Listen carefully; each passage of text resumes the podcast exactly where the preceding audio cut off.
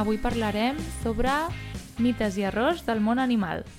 Ens encanta arribar a la ciutadania a través d'alguna cosa que ja es coneix, encara que avui li donarem la volta a tot. Hem triat sis mites o errors, la Marta n'ha triat tres i, i jo altres tres, no sabem quins són, quins són i ens els explicarem l'un a l'altre. Començarem per un mite uh, que ens agrada molt perquè l'animal també ens agrada molt, ja que és un animal que crida molt l'atenció, és gran, fort, bonic, té un pelatge negre molt maco. Estem parlant de la pantera. I és que tenim com molt assumit que existeixen diferents espècies de grans felins, i així és, com els lleons, els tigres, els lleopards, els jaguars, també pensem que les panteres, però us vinc a dir que uh, no és així. Les panteres no són una espècie. Com et quedes, Andrea? A veure, em quedo que alguna cosa havia escoltat, però la veritat és que no m'ho no sé molt bé, no ho sé explicar. Bueno, uh, tenies una mica la idea de que alguna cosa no rotllava aquí, no? Exacte. doncs t'ho explico. Resulta que el que coneixem com a panteres, no? aquests grans felins de color negre, el que en realitat són és uh, lleopards i jaguars amb melanisme. I què és el melanisme? Doncs és una condició genètica que fa que la coloració del seu pèl sigui negra.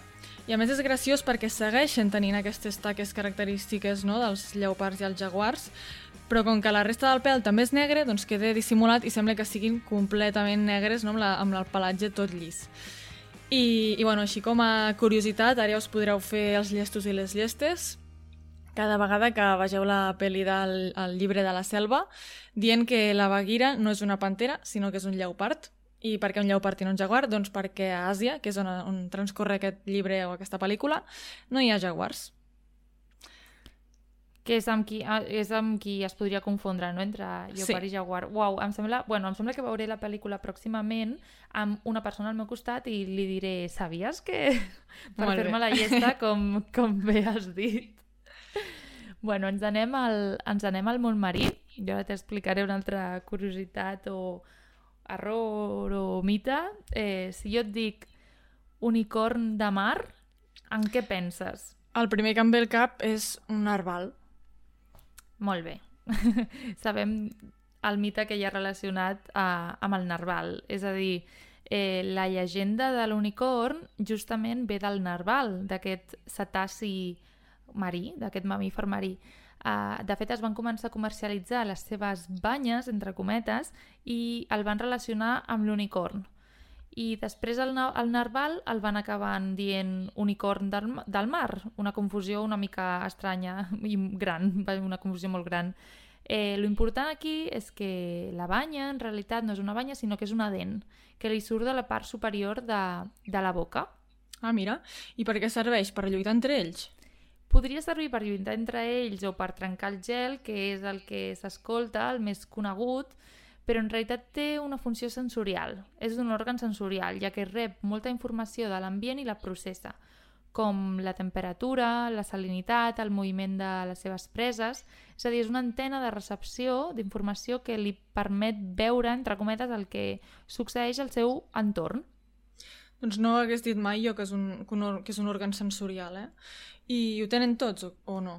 Tots els narvals tenen l'ADN aquesta? Doncs generalment ho tenen els mascles, excepcionalment s'ha vist en alguna femella, però en general, com per norma, diguéssim, ho tenen els mascles, i normalment tenen una dent, però també s'han vist fins a dos dents. Però en general, mascles i una dent. Mm, ah, mira, no he vist mai cap foto de narval amb dos dents, però ja la buscaré perquè ha de ser ben curiós. Passem ara a parlar d'un animal que també ens agrada molt, que és el llop, i un mite molt relacionat amb el llop, que és que es diu que udole durant la lluna plena, durant les nits de lluna plena. Ho havies sentit això, Andrea? Jo havia escoltat, sí, de manera una mica fantasiosa, no? Surt als llibres, a pel·lícules, ho havia escoltat. Sí. Sí, i és que és això, és més fantasiós que no pas científic, perquè la ciència ha demostrat que no hi ha relació amb, de l'udol amb la lluna. S'ha vist que hi ha la mateixa freqüència d'udols en les nits de lluna plena que en qualsevol altra fase lunar. I, mm, de fet, llavors, per què diries que serveix l'udol? A veure, tenint en compte que viuen en bandada, podria estar relacionat amb, amb alguna cosa sobre això? No vas sé. bé, vas bé, sí, que sí. L'utilitzen molt bé, l'utilitzen per per trobar-se, per geolocalitzar-se. De fet, a les bandades, quan comencen a udular tots, és perquè s'estan geolocalitzant. S'estan fent un mapa d'on es troben i eh, també serveix per reunir-se, per trobar-se en un punt, fins i tot també per tot el contrari, per defensar un, un territori. Ho dolen també per dir aquest territori és meu i no vull que passis, no? quan hi ha un, un, un llop que és potser contrincant en època de zel o el que sigui. També en època de zel serveix per comunicar-se entre mascles i femelles i per trobar-se i reproduir-se i fins i tot l'utilitzen per, eh, doncs per, per expressar els seus sentiments, no? la seva alegria, la seva llàstima, la seva pena... O sigui, que va molt més enllà d'aquesta imatge que tenim a les pel·lícules i als llibres, potser, no?, de l'Udol a la Lluna. Té un, una funció més important. Sí, de fet és com que a la part més, més de fantasia, com has dit, o més de, de pel·lícula, és com que quan arriba la lluna plena, Udola ja es prepara com per atacar, no? I no és gens així. No és així. Molt bé. Doncs, bueno, jo et diré un altre um, més famós encara. Bueno, no ho sé si tan famós com aquest, però si et dic que està relacionat amb els estrussos, quin mite creus que et diré? Uh, M'explicaràs el de que quan tenen por amaguen el cap a sota terra.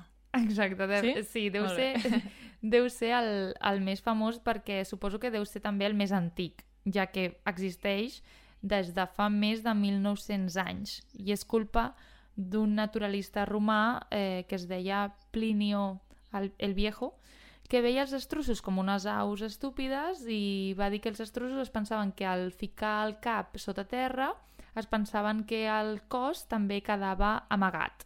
I en realitat els estruços acotxen el cap perquè els depredadors no els vegin a grans distàncies i no s'apropin als seus nius, que per cert també estan sota terra i per això a vegades les, els veiem sota terra perquè, perquè estan movent els seus ous dins, de, dins dels nius.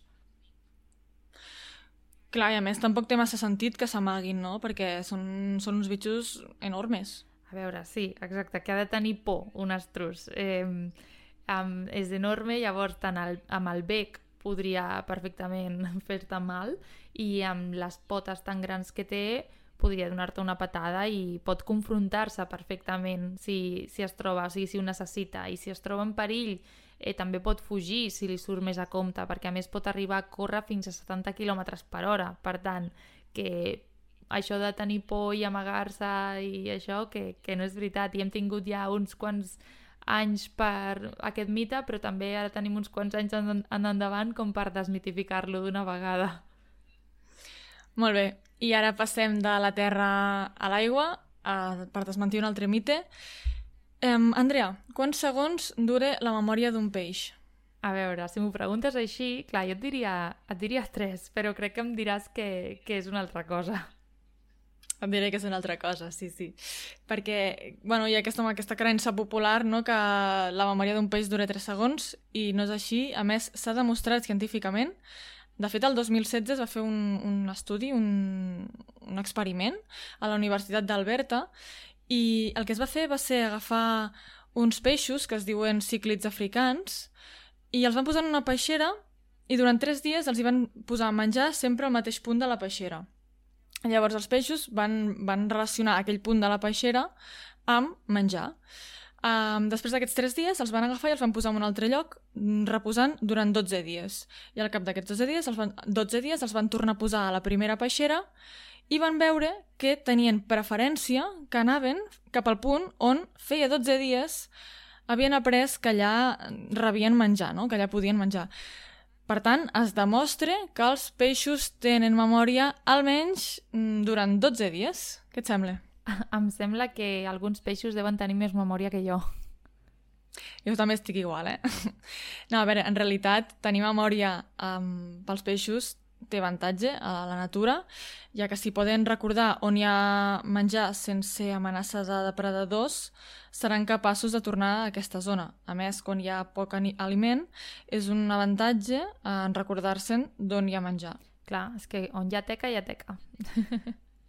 Vinga, Exacte. anem amb l'últim. Eh, Marta, pregunta d'examen de, de Disney. Uh, el, rei, el rei León, el rei lleó, Simba i Nala, quan són petits, al principi de la pel·lícula, s'escapen de, de Zazu i després han d'enfrontar-se amb les hienes i, i el salva Mufasa, etc, etc, bla, bla. I en quin, Spoiler. en quin lloc diries que passa això? Fa molt que la vaig veure, però em sembla que era un cementiri d'elefants.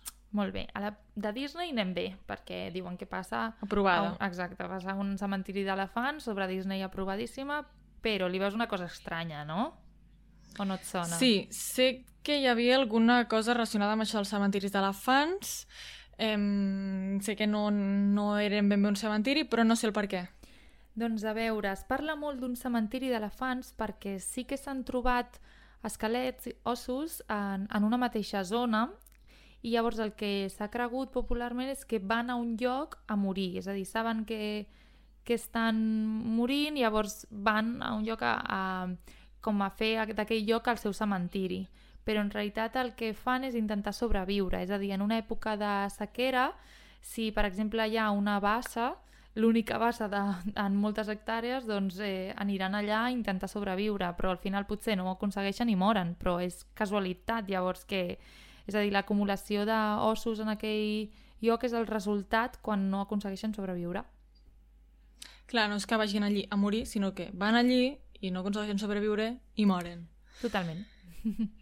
Doncs molt interessant també aquest mite, me l'apunto per explicar-lo també quan vegi aquesta pel·lícula amb algú i fer-me la llesta. I, I crec que ja ho podem deixar aquí per avui. Um, esperem que, que us hagin agradat aquests mites. També us pugueu fer els llestos i els llestes amb aquestes dues pel·lícules i amb els altres.